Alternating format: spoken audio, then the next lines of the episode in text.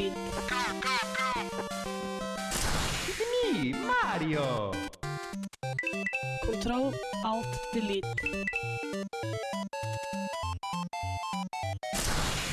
Unable to comply.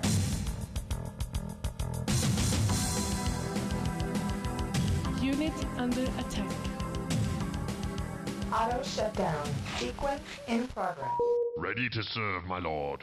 Control, Alt, Delete.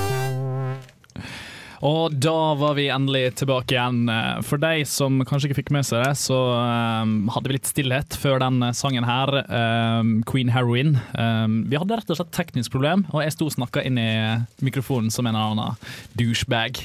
Men eh, alle i studio lo og koste seg og hadde det gøy, så skitt der. Vi begynner på nytt. Eh, velkommen til Kontroll til.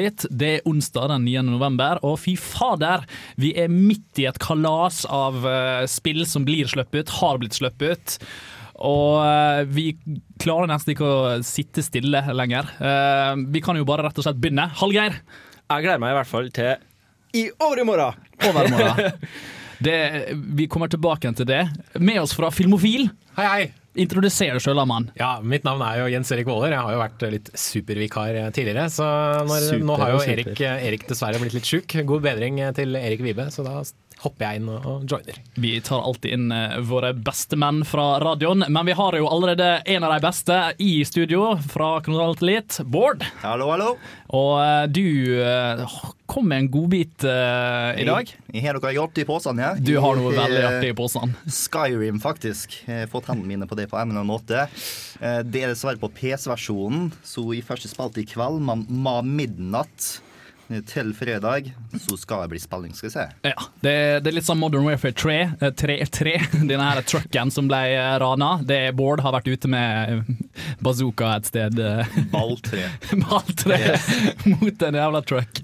Eh, til sist, men ikke minst, Tor. God dag, god dag. Og du har noe veldig godt på menyen i dag, tror jeg. Ja da, jeg har spilt Uncharted 3, og det får dere høre litt mer om etterpå. Men jeg må bare si når jeg står her, at vi bor med en pose med Skyrim. Det er litt fristende å ta posen og springe som en jævel.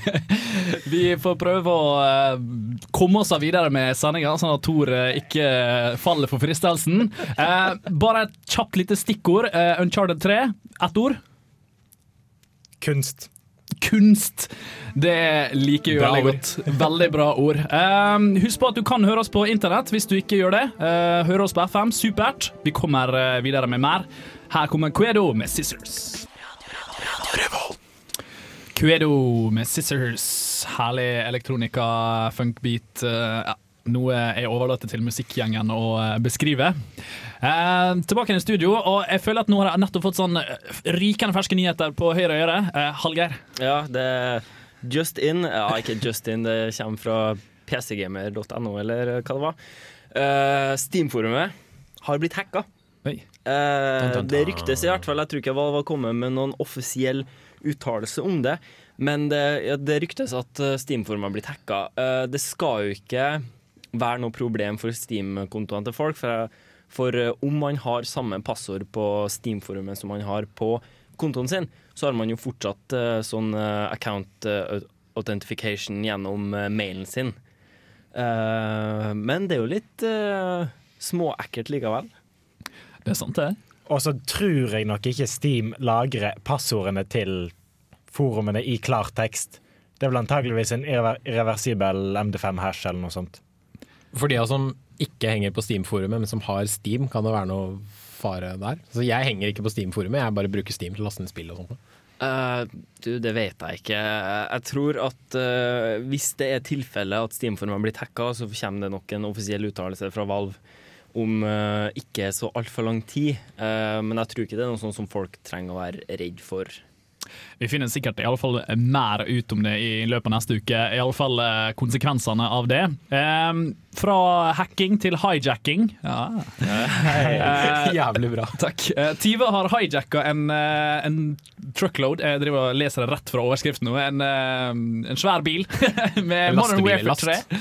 Eh, og det, når det skjedde dette her, det var vel ikke så lenge siden Går eller foregårs? Foregårs eller sånn. Det som er litt gøy, da, det var at noen som hadde fått tak i en sånn screenshot av hvor mange som spilte Modern Warfare 3 dagen før Modern Warfare 3 var offisielt ute. Så er det masse sånne lys på det verdenskartet. da. Eh, Riktignok er jo det de som har fått det litt før da pga. anmeldelser osv. Så, videre, så det var ikke så dramatisk. Men 6000 eh, kopier, én bil. Jeg syns det her er jævlig kult. på en måte altså, Det er veldig dumt, men det er jævlig kult, for at det her gir liksom det å være pirat på en litt høyere nivå. Jeg håper de eh, jeg, jeg håper enten så går de i sånn skikkelig piratklær og får sånn ar, ar, ar, Give me your booty. Eller så håper jeg at de gikk med den Ghost-maska fra Modern Warfare. Ah, den, ja. Det har vært ganske stilig.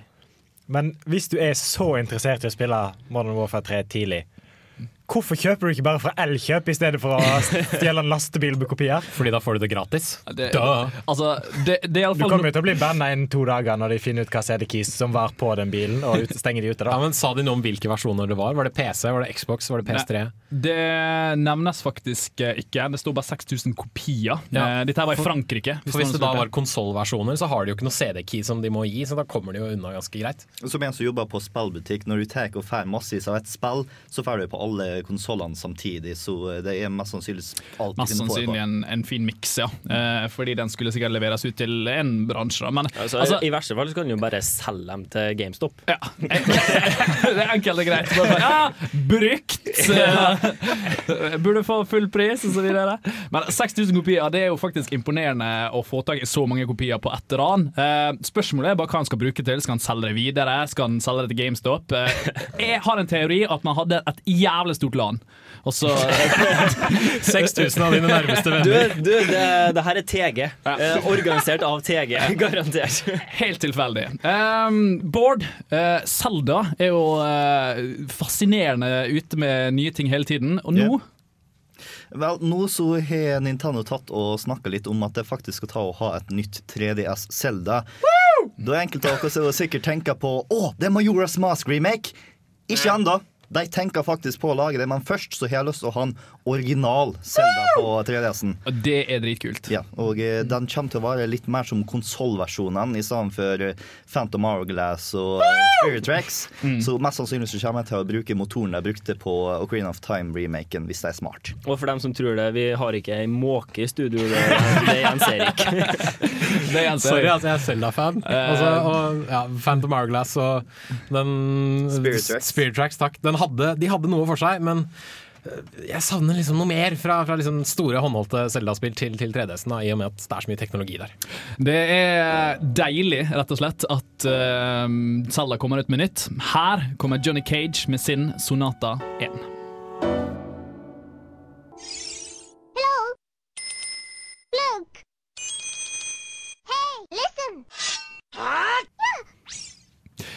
For rett meg opp, det var John Cage, eh, ikke Johnny Cage fra Mortal Kombat Det er lov å late som.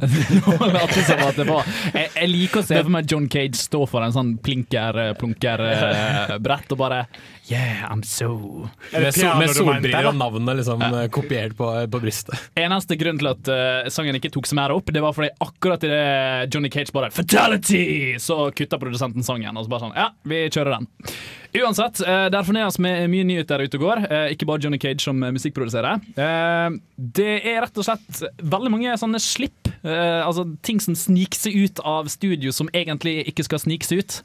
Eh, så er jo spørsmålet var det meningen, eller var det faktisk ikke meningen? Det Eh, er alltid et uh, stort spørsmål i sånne sammenhenger. Det beste, det beste er når selskapene selv sier nei, ingen kommentar.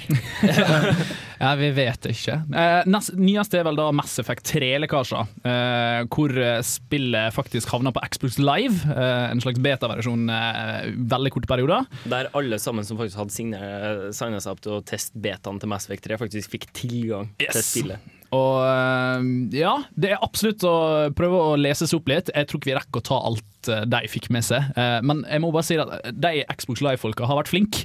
For de har, å, de har fått med seg mye info. I tillegg til det så har BioWare nettopp kommet ut med et screenshot av sin nye vet ikke om det er satsing, nye spill, nye Ny IP, som det heter så fint. Det er en helt ny serie som ikke er noe som helst som det BioWare laga før. Så alle dere som håpte på en Jade Empire-oppfølger, tough luck. Tafflakk. Yes. Eh, det er ett bilde som er sluppet løs. Det ser veldig postapokalyptisk. Jeg tenker Borderlands. Borderlands. Jeg vil Borderlands. si ikke postapokalyptisk, på grunn av Hvis du ser på karen, så har han rene klær på seg og ingen form for lær. Du kan ikke være postapokalypsen og ikke ha på lær og være skjeten. I am alive av Ubisoft. Yeah. If you don't look like shit, you can't be an sånn der nå. Minecraft har runda fire mill. Uh, nedlaste Nei, kjøpte spill. Eh, Fire mill. Uh, er det noen som husker hva det spillet koster for tida? Er det 200 spenn nå? Det er vel en Det er et sekund. 12 euro eller noe sånt nå, tror jeg. 12 Så euro. det er ikke spesielt mye. Og den har jo full release om to dager. Hvor masse av de eh, pesosene du betaler for det, går egentlig rett i lomma til utvikleren? For det tror jeg er ganske Alt. masse. Ja, Minecraft et- koster nå 15 euro. 15 euro. Kan noen, En, hvis vi tar en kjapp eh, 15 euro Euro to NOK, som dere hører, tar det live. Uh, we do it live! 116 kroner og 46 øre. Så 100, 100 spenn, 4 millioner ganger 100 spenn. Dere der hjemme får ta uh, mattestykket og få en herlig eh, oppløftende tanke. Eh. I og med at dette spillet kommer ut fullversjon samtidig som Skyrim, så vil jeg tørre å påstå at du får langt mer for pengene fra øh, Minecraft enn fra Skyrim. Det er sant. Og jeg må innrømme det, det er kanskje det billigste spillet som folk har brukt flest timer på. Eh, til unødvendige ting. Spesielt til unødvendige ting. Sånn som å lage svære gullpeniser og sånn. Eller å bare bygge en svær dass. Ja, men da vil jeg si uh, Spore sin Creature Creator, som var gratis. Det kom noen peniser ut av den. Ja, til å si det. Det er Også en penisgenerator. Det var en penisgenerator uten like. Bård, uh, du vil like dette her. Jeg, vet, jeg antar at du har fått med det. Jeg, jeg har prata litt med deg denne uka, her, men du har ennå ikke nevnt det til meg. Jeg har visst det i halv uke nå. Phoenix Wright kommer ut med live action-film. yes. Det vet vi. Sett traileren og alt mulig rart. Og den er så nært spillet at det nesten blir litt for nært spillet. Fordi at eh, det er en japansk film, ikke en eh, Hollywood-film. Så å ta her nå er karen som lagde Itchy the Killer og 13 Samurais og alt mulig rart. Så det er en 13. Assassins. Yes, tenker tenker. Eh, Så ta her nå kan bli en god film. Det kommer helt sikkert til å bli en tullete japansk film, men sjansene er gode for at den er god i tillegg. Ja. Jeg skal ta selv kritikk på at jeg satte dere to sammen når jeg skulle snakke om eh, Phoenix Wright og film. Men eh, det er en herlig nyhet. Og det er helt som du sier, dette her må bare bli en eh, bra film. Det er ikke Hollywood-dritt, dette her. Og jeg, jeg driter i hvor redd du er for å eh, høre på filmer med, som ikke er engelsk eller norsk. Den filmen her må du få med deg om du har eh, vært innom Phoenix Wright-sjangeren. Igachi! Igachi. Objection på japansk. Ah, very, very nice. Very nice. Um, jeg tror vi runder av der. Nyhetene skal legges ut på Facebook uh, i, uh, så smått, uh, men uh, vi har mer digg i denne sendingen her, så vi kan ikke uh, bruke opp all tida på nytt. Vi må jo kanskje finne noe gammelt også fra gullkista. Mer om det får du høre snart.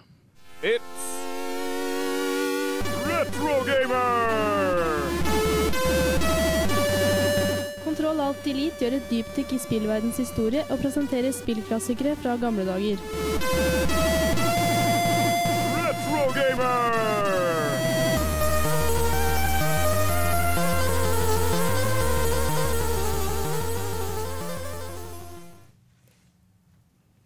Og ja da, vi fikk klart å snike inn en retrogamer. Lenge siden sist vi har brukt den spalten, og det er veldig unikt siden eh, så å si alle i studio har hver sine spill som de spiller eller gleder seg veldig mye til.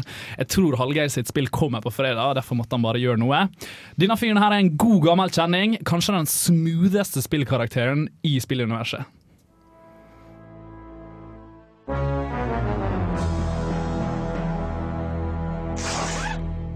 Buenos días. Det er ikke mange spill som har prøvd å forestille seg livet etter døden. Spill som Painkiller, Dantes Inferno og delvis Doom og Diablo viser oss limbo og helvete, og hvis man leter litt, klarer man sikkert å finne noen kjedelige spill som foregår i himmelen òg. Men Tim Shafer laga et spill som tar utgangspunkt i et annet etterlivsscenario enn det man får fremstilt i Bibelen eller Den guddommelige komedie, nemlig livet etter døden, som astekerne forestiller seg det. Grim Fandango kom ut i 1998 og er kulminasjonen av PK Klikk-spillene til Lucas Hart. Men i stedet for å kjøres i samme 2D-stil som f.eks. Monkey Island 1 og 2 eller Day of the Tentacle, spilles det i 3D. Og ulikt de fleste 3D-titler fra den tida, ser det faktisk riktig så presentabelt ut. Et lekkert film noir-aktig spill som er delt opp i fire akter, som foregår den 2. november i fire år. My name's Manny Calavera. I'm your new travel. I spillet styrer du Manny Calavera, en ansatt i et reisebyrå som hjelper nye ankomne til De dødes land med å komme seg videre til den niende underverden. Siste stopp for døde folk. Jo bedre de har oppført seg når de levde, jo enklere blir turen deres. Folk som har oppført seg kjipt, kan belage seg på en fire år lang gåtur. Men folk som har vært snille, får en såkalt dobbel N-billett på hurtigtoget The Number Nine. The number nine? That's our top of the line express train. It shoots straight to the ninth underworld, the land of eternal rest, in four minutes instead of four years. But very few people qualify. Når Manny skal hjelpe en søt og snill dame med navn Metche, som ikke får en billett på toget, da begynner han å ane ugler i mosen. Det viser seg at det er en konspirasjon på gang, der mafiaen stjeler dobbel N-billetter og selger dem videre til blodpris. I was once a reaper like yourself, Manuel. But I uncovered a web of corruption in our beloved Department of Death. Manny føler dermed at det er hans plikt å finne den stakkars dama han har sendt ut på en lang gåtur, og hjelpe henne med å få tilbake billetten sin. Han må dessuten stoppe den skumle mafiaen fra å utnytte de stakkars snille avdøde. Manny, what are you doing here? I wanted to see how your trip was going, Angel. I am your travel agent, you know. I løpet av spillet stifter vi bekjentskap med mange interessante personligheter. Annet fartsdemonen Glottis, den revolusjonære aktivisten Salvadore Limones og mafiosoen Hector Leman. Alle karakterene spiller på gode stereotyper, fra 50-talls gangstere og 60-talls beatniks til Che Guevara-lignende frihetskjempere.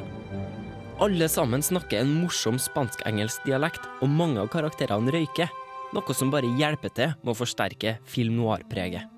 Men som det står i spillmanualen, det er viktig å merke seg at alle sammen i spillet som røyker, er you say, Grim Fandango er et jævlig bra spill, men av en eller annen grunn solgte ikke noe godt. Faktisk så lite at det ble kalt en fiasko, og var med i stor grad på å sørge for nedleggelsen av adventure-avdelinga til LucasArts. Kanskje var folk lei av pek-og-klikk-eventyrspill? Kanskje markedsføringa var for dårlig? Kanskje folk ikke var klar til å ta inn over seg en helt ny franchise i en døende sjanger?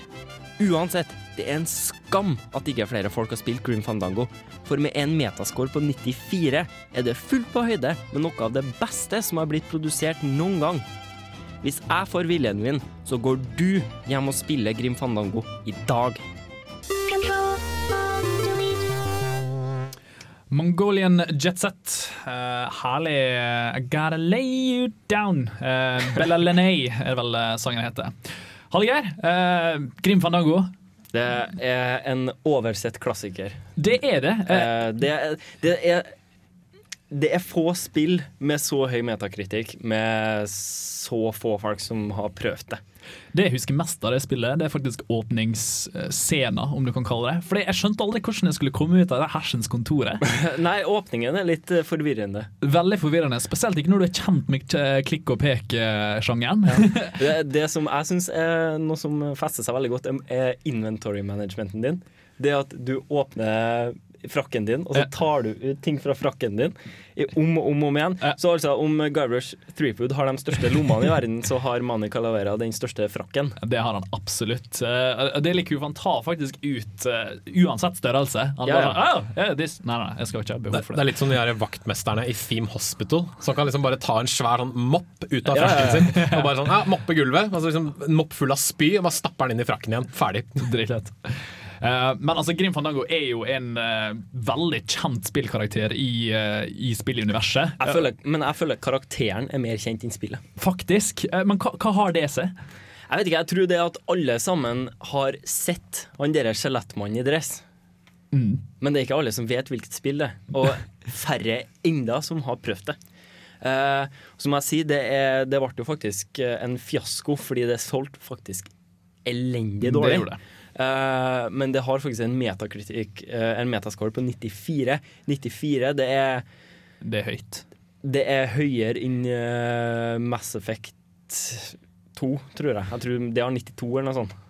Ja, men det er en grunn til at flere kanskje har hørt om karakteren, er at det er jo referanser til Grim Fandango i Monkey Island-spillene. Det er også sant. Det er det. Så Grim Fandango, alle har et litt forhold til han. Alle i studio hadde faktisk ikke spilt spillet fra ende til annen. Eh, Bård, for eksempel. Eh, For et par år siden så har jeg lyst til å spille Grim Fandango fordi at de fant tak i PK-klikk-sjangeren og tenkte å, ta jeg lyst til å ta og spille. Og jeg kunne ikke ta finne i på noe annen måte enn shady metoder. Noe som førte til at jeg ikke alltid skulle ta og lagre, at spillet tok og bare datt sammen uten å ta og si ifra. Og at jeg kom, det siste jeg kom til, var en sint arbeiderdrone på en eller annen kai, og at det som nekta spillet å la meg fullføre. Så eh, hvis den noensinne blir sluppet ut på Steam eller Good Old Games, så kjøper jeg en sånn. Ja, for det er jo, jeg synes jeg er veldig rart eh, at de ikke har eh, gitt ut på Steam eller sånt, fordi nå er det faktisk veldig Jeg heller har ikke klart å få anskaffe meg det spillet på noe lovlig metode, så jeg måtte jo stikke innom Ye Old Pirate Bay.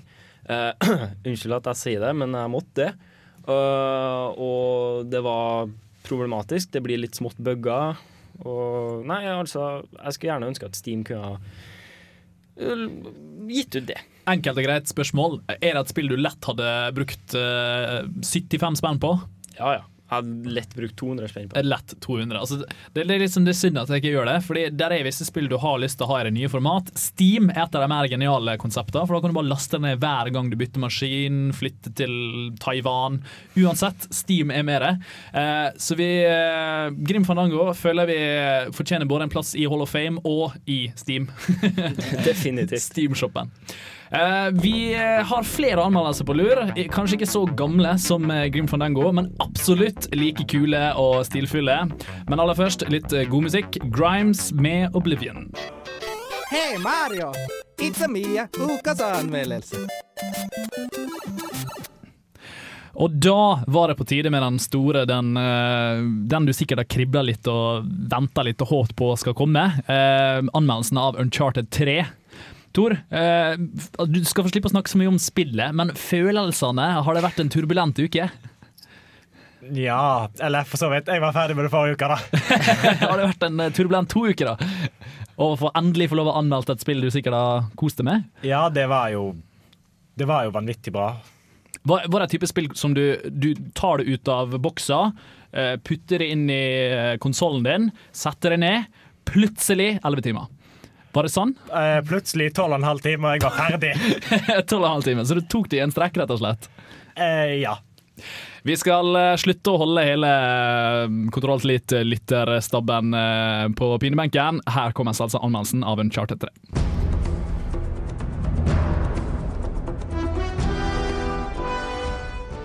Uncharted 3 har alt man kan trenge i et spill. God grafikk, nydelig musikk, og når en ser det i sammen med en god historie, velbalanserte karakterer og godt gameplay, så har en absolutt en kandidat til årets spill. Let not the world deceive thee with its beauty. It is the dream of a dreamer, a mirage of the desert.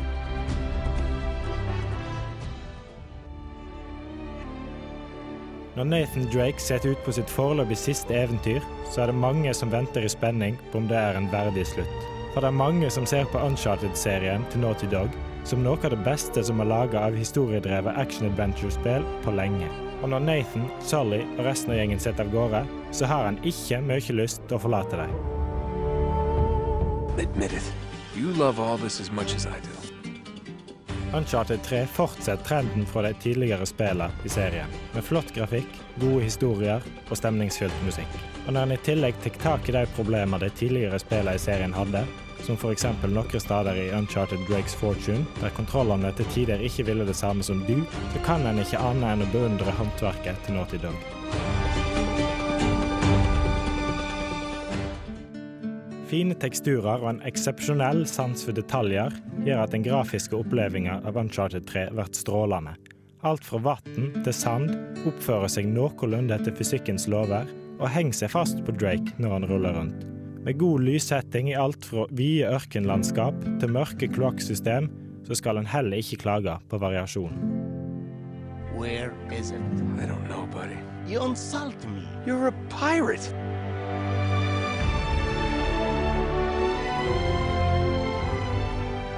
Men det er ikke bare det visuelle som rører ved deg. Det viktigste verktøyet for å sette stemning er musikk. Og en kan ikke ane enn å beundre Greg Edmundsen for musikken. Den setter virkelig stemninga gjennom hele historien.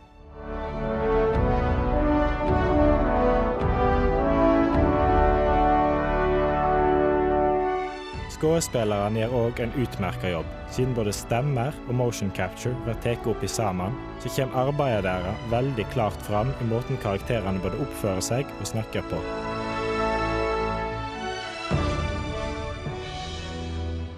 Uncharted 3 er et kunstverk. Det er et av de best gjennomførte spillene jeg noen gang har spilt, og når du er ferdig med historien, så sitter du igjen med en god følelse, og du håper egentlig at Naughty Dog setter i gang med et nytt, originalt prosjekt som kan verte minst like bra. Karakter 9,5. Go talk to that rug merchant we just passed. Now, guns, weapons. He's not really a rug merchant.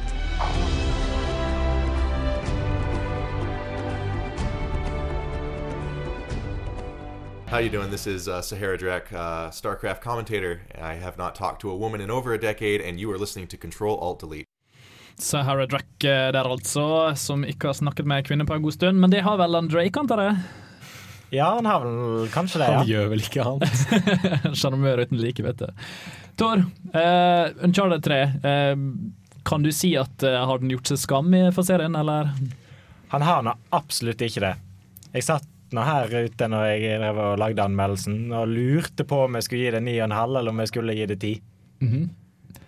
Det ble en, eh, en god karakter, med andre ord. Ja, det ble, det ble da 9,5 til slutt, men det var ikke langt unna tieren.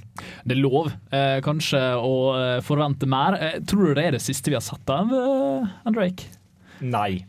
Absolutt ikke. Det er det neppe. I og med at Naughty Dog uh, Dette synes jeg er litt festlig, fordi de gjorde tre Crash Bandicoot-spill, og så gjorde de en Kartracer. Og så gjorde de tre Jack and Daxter-spill, og så gjorde de en Kartracer. Kommer det da en uh, Uncharted Kartracing? Det vil jeg se! Et bilspill med Nathan Drake. Og, eh, men hva er det som driver Uncharted fremover? da? Er det noe annet enn løpe, løpe, klatre, klatre, skyte, skyte? Det er jo veldig mye av akkurat det. Men de har jo klart det litt bedre nå, for i treen så er det jo et par sekvenser der du spiller som Drake som ung. Det er jo, for, det er jo fortsatt løpe, løpe, klatre, klatre, litt skyte, skyte, men det bryter veldig opp. Så det blir Det, blir ikke, det virker i hvert fall ikke så ensformig som de tidligere. Men vi får altså innsikt mer i, i Drake sjøl? Ja, du får innsikt i i hvert fall hvordan han og Sally møtes, og hvorfor de er egentlig så teit som de er.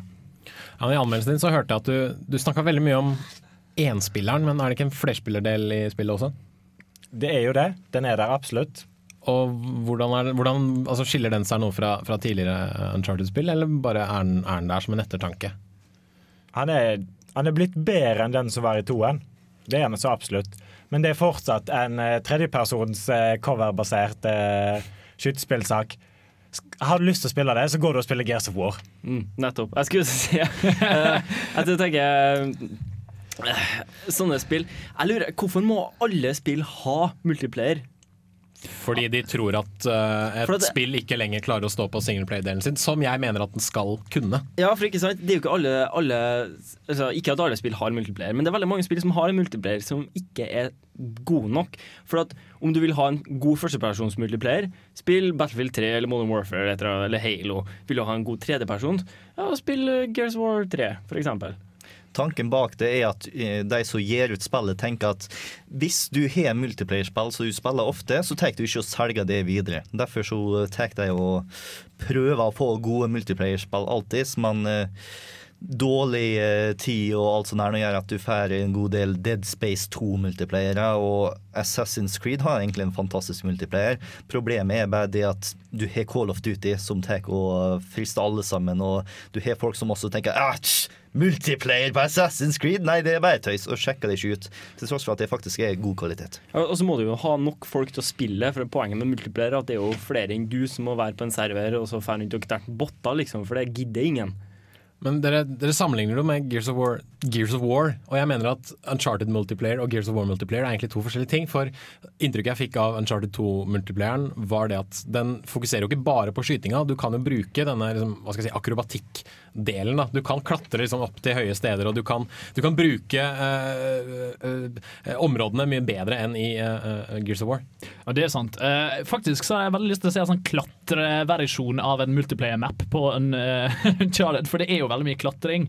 Og, men som jeg husker de to første, så er det insane mye spenning. Det er faktisk et par ganger jeg, tok liksom, jeg greip litt etter sånn Oi, faen! Eh, skjer det fremdeles? Ja, i historien du tenker på? Ja, i historien og Ja. i gameplay, for så vidt. Ja, nei, for du forventer jo egentlig at Uncharted 3 skal gjøre akkurat det samme som de to forrige spillene. Det gir seg ut for å gjøre akkurat det samme med historien. Og så tar det egentlig og snur ryggen til deg og løper i andre retningen. Så det er et par steder du hadde forventa at noe skulle skje, og så skjer det noe helt annet. Så det, historien ligger fremdeles sterkt i Uncharted, med andre ord. Historien er vanvittig sterk. Uh, 9,5. Absolutt uh, en bra karakter. Jeg husker ikke hva karakter vi har gitt til de to forrige. De begynner jo å bli uh, ikke klassikere, kanskje, men eh, snart eh, klassikere. Eh, men det er vel kanskje Er det det beste i serien?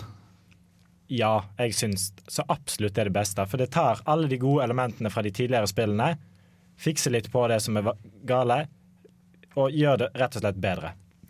Uh, plukk opp uh, Uncharted 3 hvis du uh, fremdeles har råd etter Skyrim, er vel kanskje vår dom da. Her kommer Tåke med Myr, Radio Revolt, Banjo Edit.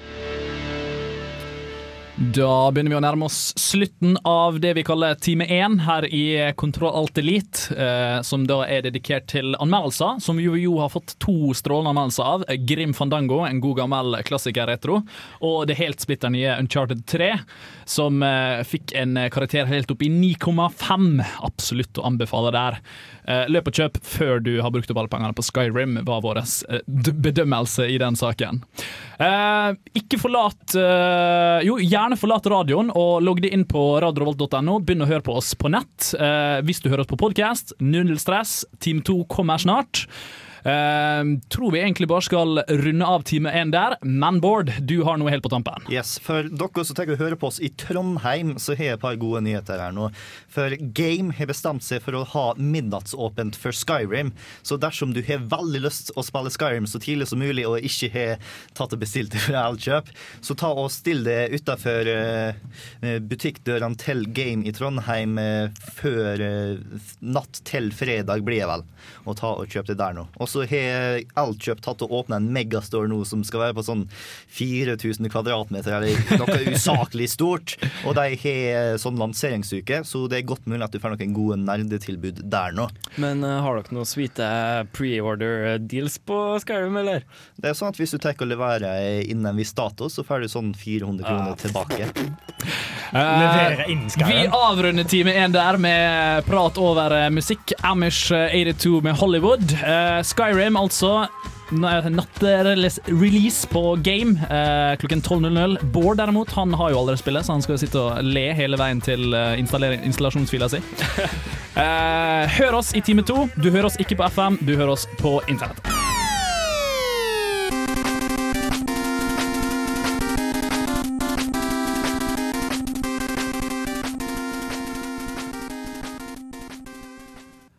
Da var vi inne i time to her i Kontroll Alt Elite. Hvis du fremdeles hører oss på radioen, så er jeg imponert. Eh, forhåpentligvis sitter du og hører oss via en podkast. Eh, kanskje du har funnet ut nettopp også om oss eh, via Facebook. Eh, da vi heter der Radio Revolt presenterer Kontroll Alt Elite. Kanskje du har funnet oss på Twitter, som heter RR understrek spill. Thank you, Bård. Eh, og forhåpentligvis har du funnet oss på iTunes. Eh, absolutt. Kontroll Alt Elite er det kuleste programmet ever. Det, vi stopper Like der. Totally. like totally. uh, vi stopper der med sjølskryt, uh, fordi nå skal vi inn i time to, som vi har dedikert til spill vi gleder oss til. Eh, parentes. Spill vi skulle ønske vi kunne glede oss til. Parentes. Eh, altså, vi skal dedikere neste time til spill som eh, ikke har blitt sluppet ennå. Eh, ikke har kommet, ikke har blitt laga. Eh, absolutt. Spillverdenen som eh, is yet to be. Eh, og jeg skal egentlig bare starte racet av Jeg tenker med en time fullt av eh, navneslenging à la spill. Vi bare slipper bomba. Skyrim. Ja. Det, som jeg sa, det var det første jeg sa i hele sendinga her nå. Jeg gleder meg til fredagen. Jeg gleder meg til Skyrim. Jeg har gleda meg nå altfor lenge, og jeg, jeg, jeg syns det begynner å bli helt uvirkelig at det er bare to dager igjen. At, altså at når jeg legger meg, og når jeg står opp i morgen, så kan jeg potensielt gå på game når klokka blir tolv, og bare hente Skyrim. Det er helt, helt virkelighetsfjernt. Men nå kom ok, ok, Ja, du gleder deg. Eh, Jeg, jeg gleder meg litt til Skyrim selv. Eh, Jeg skal nok vente til eh, jul før jeg kjøper det. Men vi er jo alle studenter.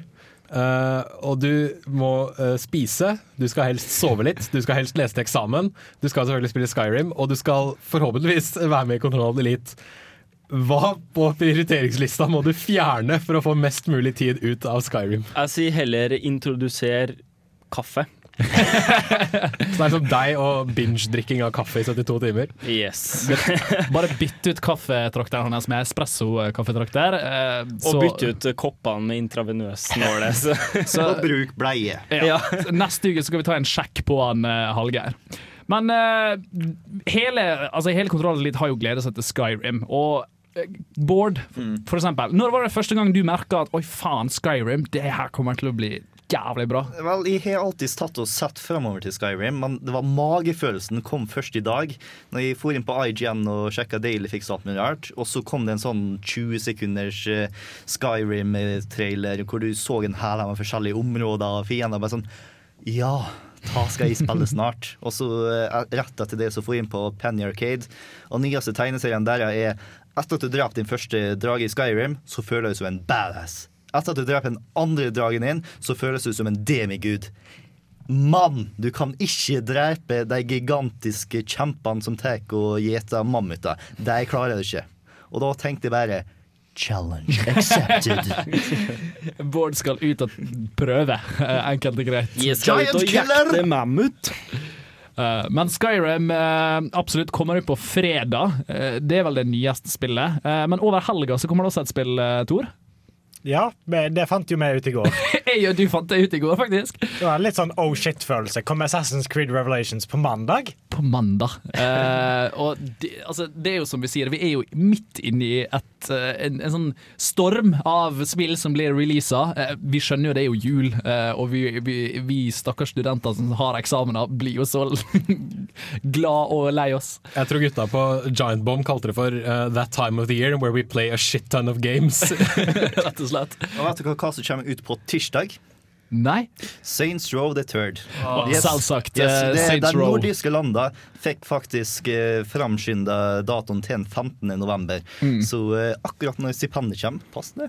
Og så er det egentlig bare å prøve å bli kvitt backloggen sin, få unnagjort eksamenene God. dine. eh, rett og slett eh, lese alt, fordi i desember så kommer det også Nights of the Old Republic, eh, som da eh, kommer også til å knuse resten av jula, vil jeg anta. Jeg merker jeg bare står her og rister på hodet og tenker hva skal jeg gjøre? Jeg, jeg garanterer, backloggen din blir du aldri kvitt. Nei, da må du ta deg et friår og bare spille. Det er, det er det du må gjøre. Du må spille sånn 16 timer om dagen. Det er sabbatsår. Det var sånn at I dag så fantaserte jeg om en teknologi som lot det gå inn i en tidslomme. Hvor det var sånn, Tida gikk masse saktere, og jeg kunne se alle TV-seriene og filmene og TV-spillene du ikke har gjort den. Bare sånn, Komme ut, det er to dager senere, og det, helga er ferdig. Eh, som du hører, kjære lytter, så er vi spent på mye rart. Eh, spesielt den eh, nærmeste ti eh, måneden som, eh, som kommer. Eh, backloggen vår kommer til å svi, for å si det sånn. Kommer aldri til å bli ferdig med den. Pengeboka kommer til å svi. Ja, pengeboka, eksamensresultater. Det, det er ingenting som går i vår favør, bortsett fra jævlig gode spill. Enkelt og greit. Uh, la oss høre på litt musikk. Snart kommer vi med mer info. Kanskje ikke sånn, uh, sånn fanboy-info, men faktisk litt uh, datoer og litt sånn nytt om hva som har skjedd med diverse spill. Aller først, eh, her kommer det en fin sang, 'Dream Sequence'. Det skrives sånn, antar jeg. Det er 'Dream Sequence 2' av 8-Bit Collection. I'm Commander Shepard, and this is my favorite show on the Citadel. Og Commander Shepherd kommer vi tilbake igjen til. Mass Effect 3 eh, er jo et spill vi eh, absolutt gleder oss til. Er vi enig? Kan ikke komme fort nok. Kan ikke. Jeg må kanskje spille Mass Effect 2 først, da. Ja, godt uh, Eller for så vidt, det kan komme fort nok. Jeg syns synd på det hvis Mass Effect 2 er i backloggen din. Nei, ikke, ikke ennå, men jeg hadde, jeg hadde Mass Effect 1, og jeg ble ferdig med det for en drøy halvannen måned siden. Og så er det sånn, ja, jeg burde kanskje spille Mass Effect 2, og så går jeg liksom gjennom og så bare Å, fuck, jeg har så mye annet å spille også. Jeg må, jeg må være helt ærlig, jeg har ikke spilt DLC-en til Mass Effect 2 ennå. Det skjemmer seg litt over, men jeg har liksom ikke Jeg tror ikke det har så altfor mye å si. Jeg vet at Arrival har litt å si for Mass Effect 3, ja, men ellers så på Jeg, tenker Layer of the Shadow Broker Jeg har hørt skal være så jævlig bra. så Den det må er dritbra. Pluss uh, Arrival, bare for å få den naturlige broa Og mellom toeren og treeren. og de to er jo regna som De har skjedd i treeren, Ja. Og uansett om du har spilt de eller ikke. Men eh, november, eh, oktober også kan vi dra med, i og med at eh, spill Også som desember også. eh, ja, ja. Men eh, jeg tenker på denne tiden før jul. Har vi noen gang hatt en så heftig jul? Jeg husker førjulstida i 2007. Det var ganske mye. Fordi, altså, Bare hør på de spillene som eh, har kommet ut. Jeg prøver å scrolle med så langt tilbake igjen som mulig. Jeg mener at vi begynte med Gears of War uh, 3. Nei, nei, nei, nei, nei, nei. Deus X. Human Vi begynte med Deus X, unnskyld, stemme. Deus X kom, Gears of War 3 Tre. Jeg sier, jeg sier Gears of War 3 X. kom ut i Batman, Arkham Asylum City.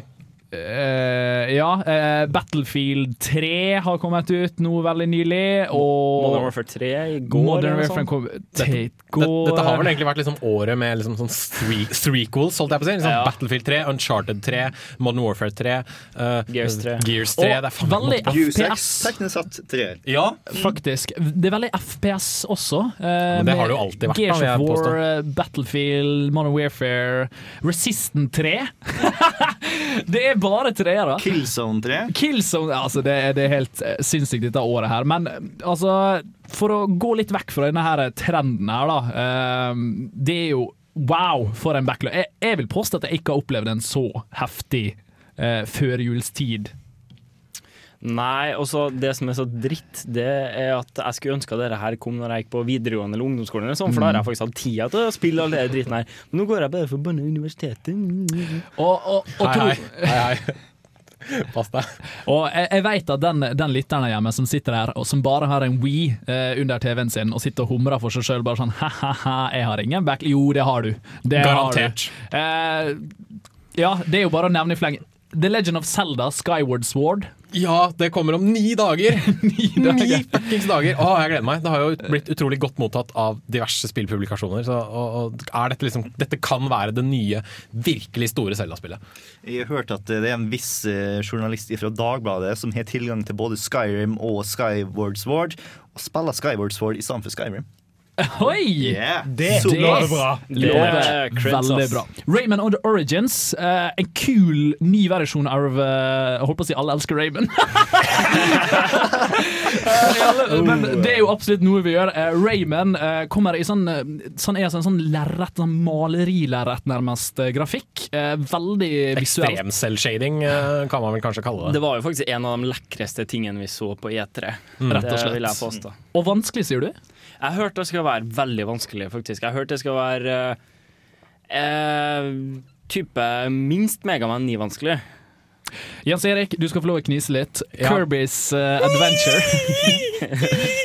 Det kommer Det som er så komisk, det er at Sky, eh, Skyward Sword kommer ut 18.11. Rayman Origins 24.11. Kirby's Adventure 25.11. Yes. Så, og jeg syns det er kult at det fortsatt kommer ut forhåpentligvis gode spill til Wii. Da. Selv om det er veldig sånn uh, lackluster resten av året, så kommer fortsatt de gode spillene ut til Wii-en. For den har, den har kanskje ikke så mye maskinkraft, men uh, spill som f.eks. Uh, Kirby's Return to Dreamland, uh, Skyward Sword og Rayman Origins ser fortsatt umåtelig bra ut. Og så lenge utviklerne klarer å, å, å ta, ta i bruk uh, grafikkmotoren til Wii-en på riktig måte, så får du spill som, som er pene å se på og fantastiske å spille. Absolutt. Og for den som er 3DS-elsker, eh, Super Mario 3D-land. Samme dag som Kirby's eh, Adventure. Med Eh, den, der 25. hale, med den Tanuki-drakta. Jeg tror det blir Ja. gøy. Ah, Og så kommer Mario Kart 7 om ikke så altfor lenge etter det. her nå. Flyvende biler! Og Eh, men det- det blir sånn som Didi Kong Racing. Revelations. Og det er da 2000 Unnskyld? Resident Evil Revelations, kommer det også i år, eller er det først neste? Snart mener, mener du Resident Evil-spillet som koster 10-15 dollar mer enn et vanlig 3D-spill? Yep, som like masse som et vanlig spill på 360, eller hva du skal ha det til. Ja, Capcom, altså. Ikke eh, som det står i spillkalenderen, men der, altså Vi, vi har kommet til eh, vi, Hvor langt ute i sendinga er vi? Vi er 15 minutter ute i sendinga, og vi er ikke ferdig med 2012 engang. Uh, nei, 2011 en gang, mener jeg. Uh, og det er jo en helt sinnssykt spillgalla for alle. Ikke bare for PC-elskere, ikke bare for PS3-elskere. Jeg glemte jo å nevne Uncharted når jeg drev og lista opp i store spill som har kommet ut. Um, så har du en spillkonsoll, har du en, eh, en jævla 3DS, har du en Wii, har du en Xbox, har du eh, har naboen din en PS3, så har du noe å glede deg til. For du vet at du blir invitert på en, et slag uh, Modern Warfare eller Ja, du, og noe annet du glemte. Det er Golden Eye. Det kom jo en til Wii her tidligere, og nå dukker det opp en til PS3 òg. Jeg har hørt at multipleren skal være omtrent det samme som det han var på 64. Så du, du kan ha fire player split screen og løpe rundt og skyte hverandre. Jeg tror allikevel ikke det spillet klarer å, å fange magien som liksom dukka opp i det originale Golden Eye. For det var tydeligvis et eller annet med det spillet som gjorde at vi samla oss uh, rundt eh, 26-toms CRT-TV-er med liksom fireplayer split screen, og du måtte se på en sånn ørliten skjerm nede i hjørnet for å se hvor du, hvor du var og hvor kompisene dine var. Min påstand det var for at da mangla vi noe annet. Vel, ja, men eh, det har jo kommet ut eh, multiplayer-spill både før og etter som ikke var like gode. Jo, eh, men jeg tenker nå har vi faktisk veldig gode spill som er bedre alternativ enn det det gamle Golden Eye var. Ikke sant? Vi har Modern Warfare, vi har Battlefield, vi har Halo, vi har Gears of War 3, vi har Uncharted hvis det er så fly. Ikke sant? det, Fly? ja, jeg må bare bruke litt sånn hippe ord som ungdommen bruker. Uh, ja. Ja, men det Golden Eye er, det er jo et split screen-spill. ja, men Halo Ja. Fuck Halo. ja. That's right, I said it! Halo kan bare, for å være helt ærlig Halo legge Anniversary. Edition. Ah! OK, ah, ja, vi snakker, vi snakker om at vi vil at de skal gi ut gamle spill på nytt. Uh, Halo Anniversary Edition er ti år gammelt, og de har basically Eller altså, Halo 1 er ti år gammelt, og de har jo egentlig bare gitt ut Halo på nytt og på nytt og på nytt, og på nytt med klare forbedringer. Så hvorfor i helvete skal de gi ut Halo 1 på nytt igjen, bare for å tjene mer penger? Ah, jeg gir meg, altså. Det er ikke godt å si, men det er rett og slett en eh, diskusjon for en annen gang. Uh, Saints Row the Third Board eh, De som elsker Sandbox, uh, har jo også fått noe. Er, Blir det bra? Uh, det, jeg har hørt veldig masse bra om det. Basically Saints Row er for du som tok og spilte GTA4 og tenkte GTA var masse bedre på PlayStation 2 når de ikke tok seg seriøst for alt i verden. Ja. Så bør du spille Saints Row fordi at wow, så lite seriøst det tar seg, og så masse artig de har. Jeg gleder meg til å løpe rundt i Saints Row 3 og kunne dælje løs på uskyldige mennesker med en svær lilla dildo. Gjerne, gjerne mens du ser ut som en transvisitt med rosa hår, Naken. naken. Men jeg, jeg føler nå Jeg syns eh, før vi kvitter oss, holdt jeg på å si, før vi gjør oss ferdig med 2011 eh, Vi vet jo definitivt hva spill som kommer til å overleve, i hermegåsetegn. Men hva spill tror dere kommer til å bli skvisa ut? Eller er det nok spredning i i nok sjangere, skråstrek konsoller, til at ingen, eller at alle får faktisk plass? Jeg tror det var i eh, 2009, kanskje, hvor eh, man merka at spill ble spredt mer utover eh, et helt år. Da. Men det var liksom gode januar-releaser. Februar, mars, april. Og så var det liksom sommermånedene. Nye, og så var det liksom, men du ser, merker fortsatt det oppkjøret da, rundt jul. Eh, utviklerne og utgiverne klarer liksom ikke gi slipp på den tida, men det virker som det kommer flere og flere gode spill tidligere i året også, når folk faktisk er ferdig med alle disse julespillene, for det er jo ikke alt som varer evig. Jeg er litt redd for at Assassin's Creed ikke kommer til å få sånn kjempestor pangstart, fordi at det har vært sånn årlig utslipp av det. Men jeg regner med at det kommer til å selge ganske godt ut på nyåret når folk tar og tenker nei, nå er jeg lei av Modern Warfare 3 eller hva jeg spilte de siste to månedene. Nå vil jeg spille Assassin's Creed. Og dessuten så er jo på en måte Assassin's Creed Det er jo, det er jo Assassin's Creed 2, 2 på en måte Revelations blir. Eh, To, tre. ja, 2-3 egentlig, hvis to var én, så er det jo 2-3. 2-0, tenkte jeg da. Så det vi sier er rett og slett at de som kanskje ikke er, er liksom de som rett og slett er litt for hyppige til å gi ut spill, eh, altså de som er faktisk flink å gi ut hyppige spill, kan hende de faller litt utenfor. Modern Men- Warfare 3 kommer til å bestå. Ja. Eh, Battlefield 3 har vel aldri blitt sluppet ut og vil definitivt bestå, hvis ikke tar helt feil av salgstallene. Eh, Skyrim er vel en klassiker. Jeg tror ikke noen klarer å slå Skyrim i år. Jeg vet ikke, jeg tror ikke det heller. Det, også, det har fått så mye hype. Altså, det har jo vært 20 minutter lange, lange gameplay-videoer omtrent én gang i uka i snart et halvår. Ikke sant? Alle vet hva som kommer. Vi kårer vinneren Skyrim av eh, 2011. Uh, Iallfall siste kvartal. Eh, hva din vinner er, det får du nesten velge sjøl. Her kommer Nobu Umeamatsu med Two Sanarkand. Kontroll, alt, delete. Today we made a difference. Eagle 6 out. Det skal sies at eh, vi kårte ikke Skyrim til eh, årets spill. Det gjorde ikke vi. Um, ikke enda. Ikke enda, iallfall. Uh, vi kommer faktisk tilbake med en sending, eh, Bård. Det er vel i planene? Det er så absolutt det. Vi kan ikke holde kjeft om Skyrim. Vi må snakke om det før vi spilte, så hva faen kommer til å skje etter at vi spilte? My god. Anmeldelse blir sannsynligvis neste onsdag. Det blir det, vet du. Ja, eh, hvem som fikk den, eh, har ikke jeg Jo, eh, Hallgeir rekker opp hånda. Det blir litt, litt sånn en masse slagsmål. Men det jeg mente å si, det er at vi skal ha en rett og slett en offisiell kåring. En offisiell, sier jeg. En Kontroll Alt Elite offisiell kåring av masse kategorier, egentlig. As official as it gets. Ja, eh, og det kommer jo senere i året. Eh, vi ville bare si at Skyrim er vel kanskje vinneren av salg. av Det, ja, og det mest etterlengta. Jeg tror ikke salget kommer til å være, men jeg tror det er den som kommer til å få best kritikk. Det Hvis du har en kategori som heter Årets hype, i hvert fall. Så. Ja, det er også eh, i hvert fall eh, den, som har fått uh, Your intestines to uh, tickle. uh, vi spaserer oss videre ut av året. Uh, hui, her kom nyttår, og da er vi i 2012. Er det noen første spilltitler som bare Hoi! 2012! Mass Effect 3. Mass Effect 3 kom det med en gang fra høyre flanke. Er det noen andre? Diablo, kanskje? Diablo 3, ja. Og, Jeg tror det kommer ut i 2012. Jeg kan ikke tenke, ut i 2012. jeg kan ikke tenke meg at det ikke kommer ut. Metal. Gear Solid HD Collection. Mm. Uh, Silent Hill HD Collection. Silent Hill Downpour tror jeg kanskje kommer ut i Downpour? 2012. Er det ikke det? Downpour? Downsporn. Downpour som i regn. Ikke sant? Det regner. Eh, Tåke er bytta ut med regn. Jeg vet ikke om regn er like truende som tåke, men tåke. Ingen andre spill? Hvis jeg sier eh, Bioshock Ah, ja. Oh. Infinite. Når jeg nevner så Bioshock Infinite ser infinitely awesome ut. Oh, damn. Eh, vi eh, Erik eh, Nei, jo, var det du, Hallgeir, eller Erik som anmeldte Darksiders? Erik. Det var Erik, og Darksiders 2 kommer jo ut i 2012. Det lover jo veldig godt, for det var jo et underdog-spill som ble veldig godt tatt imot, til tross for at det knapt hadde noe hype. Jeg tror ikke kontroll, eller jeg iallfall, hørte ikke noe særlig om det før Erik bare Hei, det var dritkult. Og um, da bør jo Dark Darksider 2 få litt mer. Et spill som jeg og du ser ut til å glede oss veldig masse til, er Prey 2. Oh, ja. Den traileren som var på E3 så fantastisk ut. Fuckings Boba Fett i et helt nytt eh, univers og alt mulig rart. Johnny Cash spillende i bakgrunnen. Og jeg gleder meg så hardt. Altså, Cyberpunk og Johnny Cash, Cash eh, det slår aldri feil. Det kan jo ikke slå feil, egentlig. Egentlig ikke slå feil. Eh, her er et spill dere kanskje eh, ikke har hørt om. Agent. Det ringer en liten bjelle, men Yes, eh, eh, om jeg ikke husker feil nå, så ble det annonsert i E3 2007 eller noe sånt.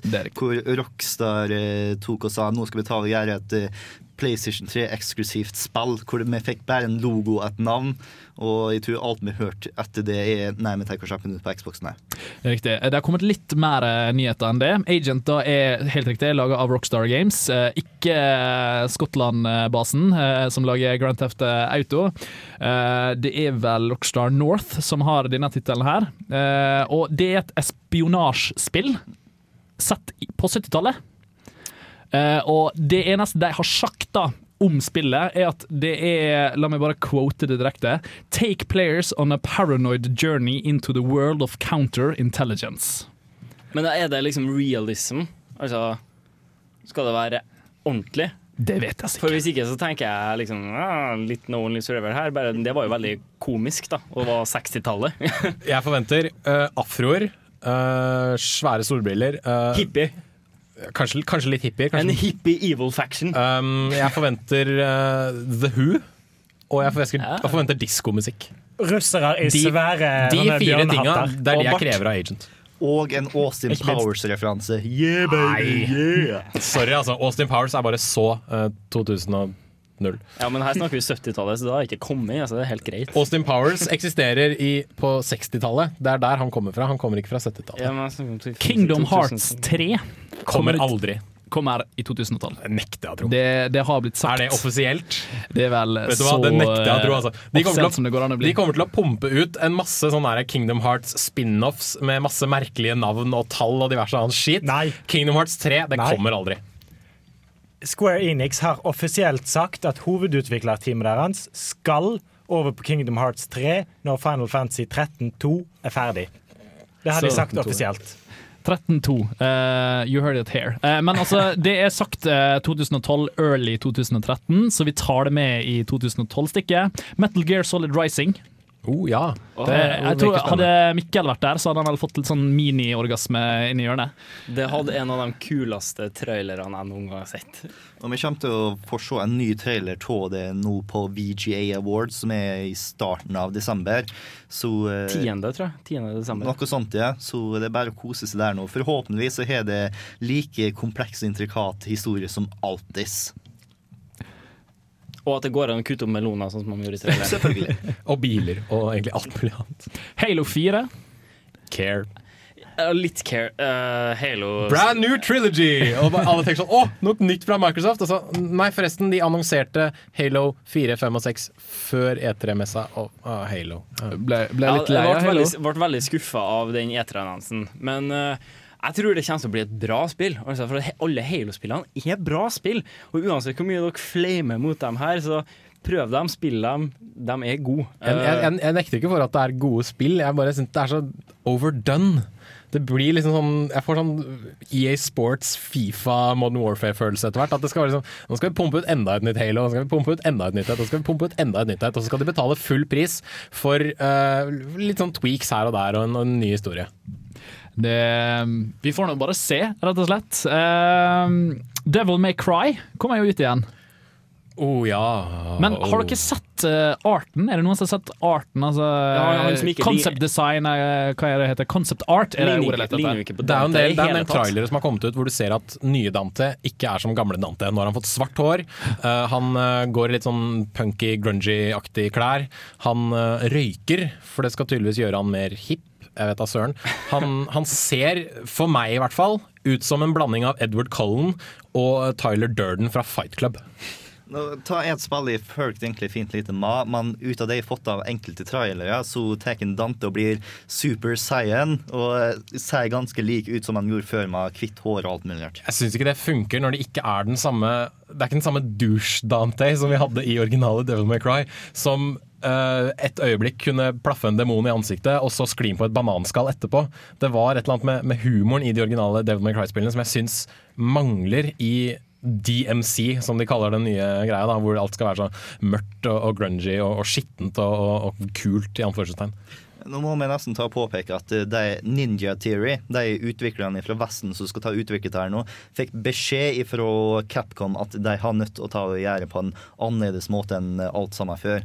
Så de er fan av eh, originalspillene, så jeg tror ikke vi kommer til å komme sånn langt vekk fra ånden, men vi kommer til å få et ganske annerledes eh, opplevelse. God of War 4. Hva skal han drepe da, egentlig? ja, det er spørsmålet. Hva, og, og Blir det en prequel, eller blir det en sequel? Eller skal han, skal begynne å drepe norrøne Jeg guder? skulle si Ghost to Valhalla. Jeg skulle gjerne liksom. sett Thor med hammeren slåss mot Kratos. Ja, det badass, det. Det hadde jeg betalt for å se. Det, det, det, Det må du uansett. Vel, ja. Nei, jeg har ikke PlayStation 3. Så pff, fuck that. Det, altså, det, det har vært veldig kult om man faktisk snubler over i andre mytologier og begynner bare Ja, fuck you guys. Nå forestiller jeg meg bare sånn Vacations Memories of Kratos. India. eh, Scandinavia. Romans. Og uh, Wherever else there are gods I can kill. Eh, Sør-Amerika. Der er nok av religioner. Buddha. Ja, Egypt. Uh. Ja, Egypt. eh, Ra er vel en fyr som heter solguden. Det blir litt kult, da. Kratos versus the sun. Det er jæklig mye som er på vei. eh, I alle fall som det er rykte om at det er på vei. Kanskje ikke 2012. Eh, Jeg tror jeg bare skal avslutte stikket her med å si Half-Life 2 episode 3. Half-Life 3! Det må Eh, 2012? Spørsmålstegn? 2015? 2016? 2017? Det ble annonsert i 2006. What the faen? Det ruller de. Det, det må komme. Her kommer Arma Cannon med Smegman 3.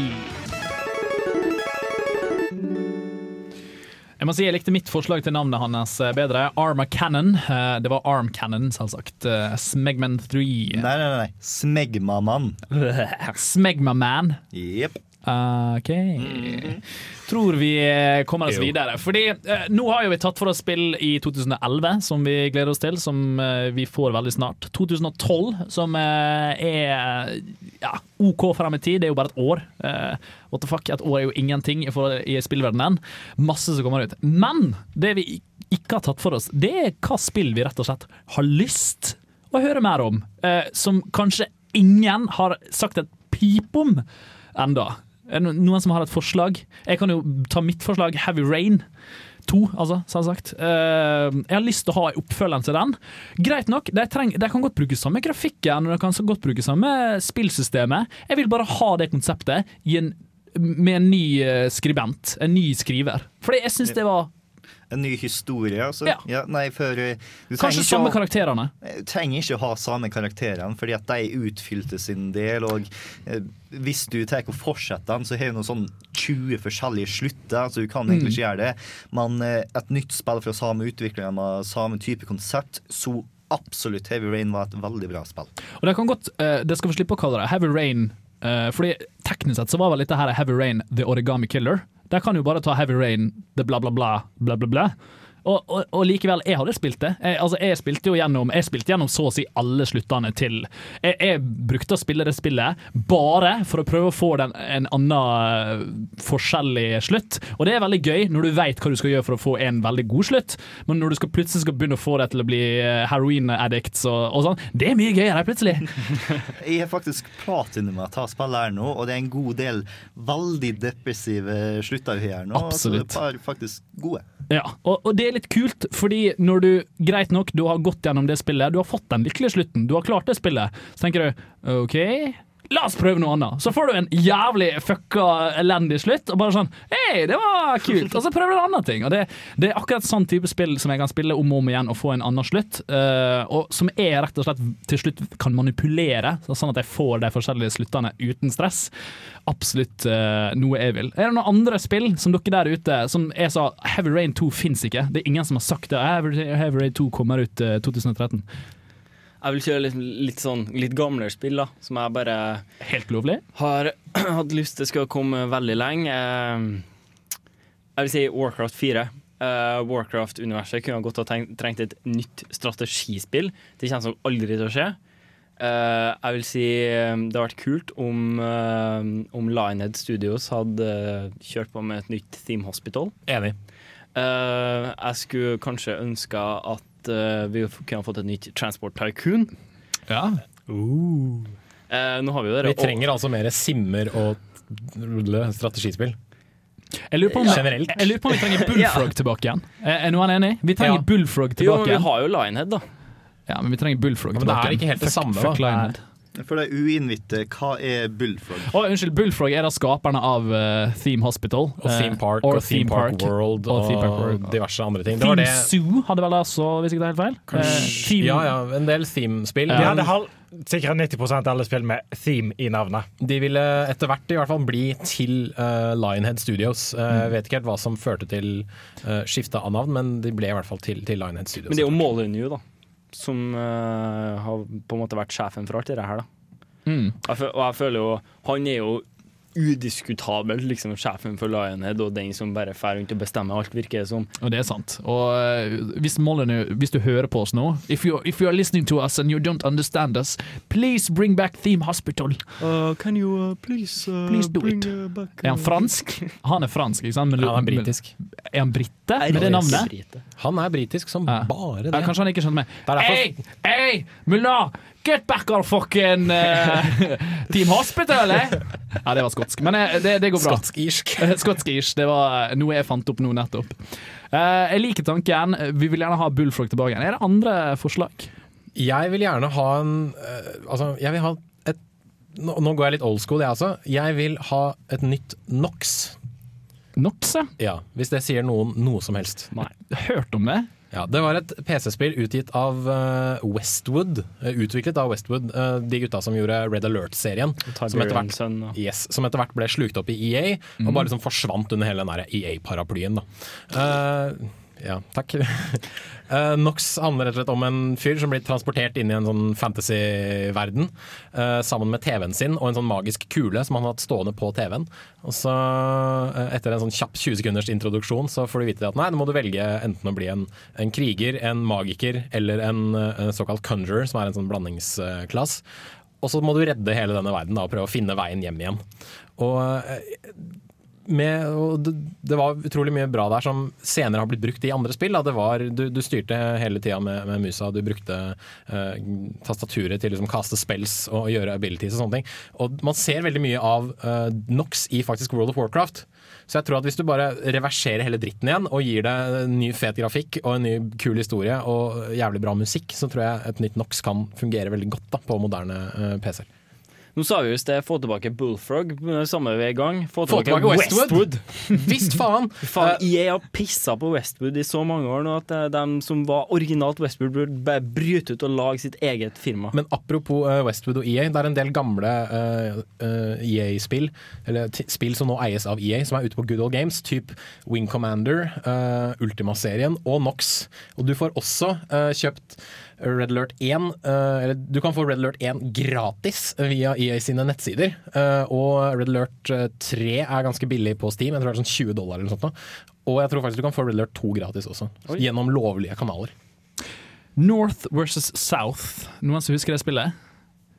Det, Var det på Nes? Det, du, det kan ha vært på Nes. Det er iallfall Commodore det kom det, ut det var sånn Civil War-greie. Helt riktig. Det sto på hver sin side og skøyt.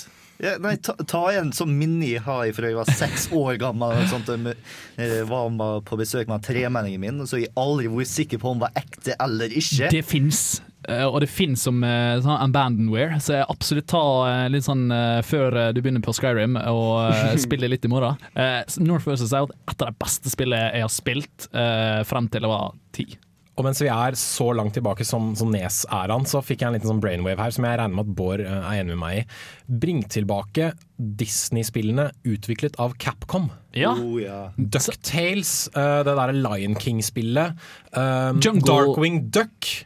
Det er ikke Mickey's Mouse Magical Quest. Yes, bitches. yes, yes, yes. Hva skjedde med de? Alle de der var jo helt magiske. Det var jo så geniale spill. Sinnssykt gode spill, og så gikk Capcom videre til å bare lage masse Street Fighter-variasjoner Ja, ja, ja. på sånn 15-20 år. Snart så får vi Disney versus Capcom versus Marvel versus uh... Jeg skulle likt å se Disney versus Warner Brothers i et fighting-spill. ja.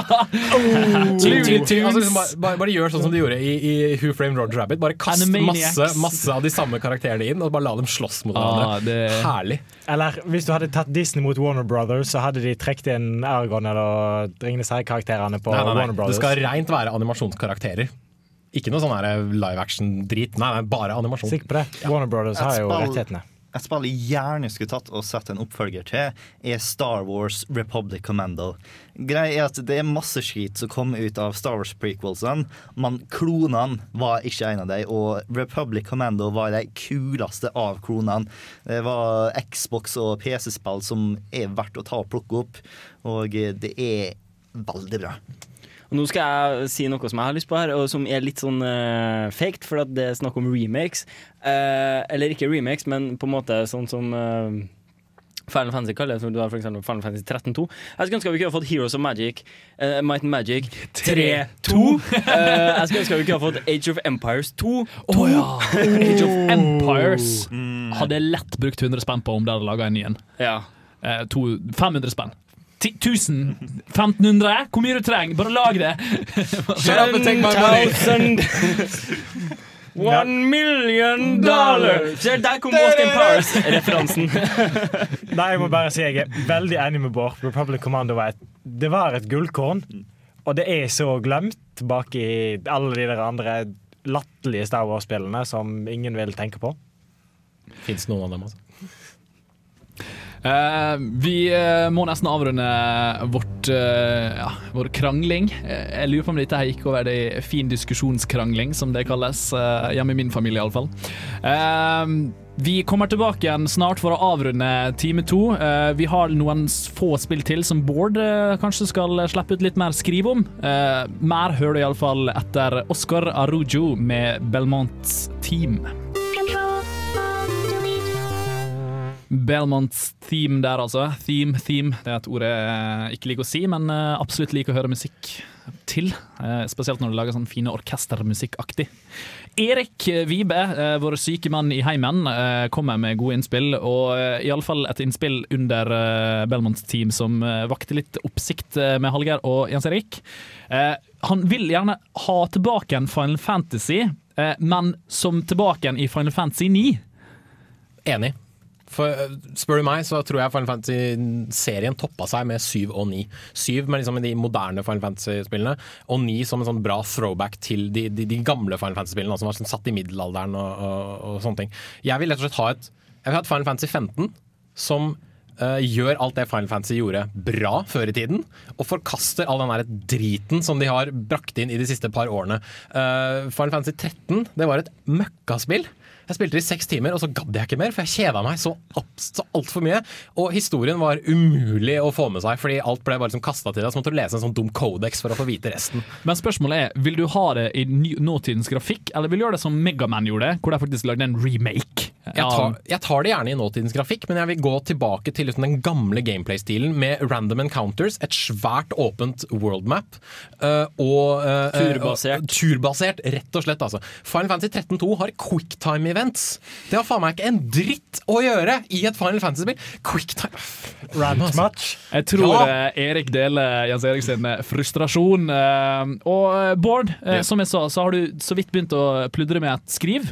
Jeg har faktisk gjort det ferdig. Greia var at jeg kjeder meg i sommerferien. Og så kom jeg på ganske like tanker som jeg har nå med spill som fortjener en oppfølger. Så jeg tok og skrev en artikkel, og så lagra jeg nå og de puttene opp. Men nå skal jeg ta puttene opp.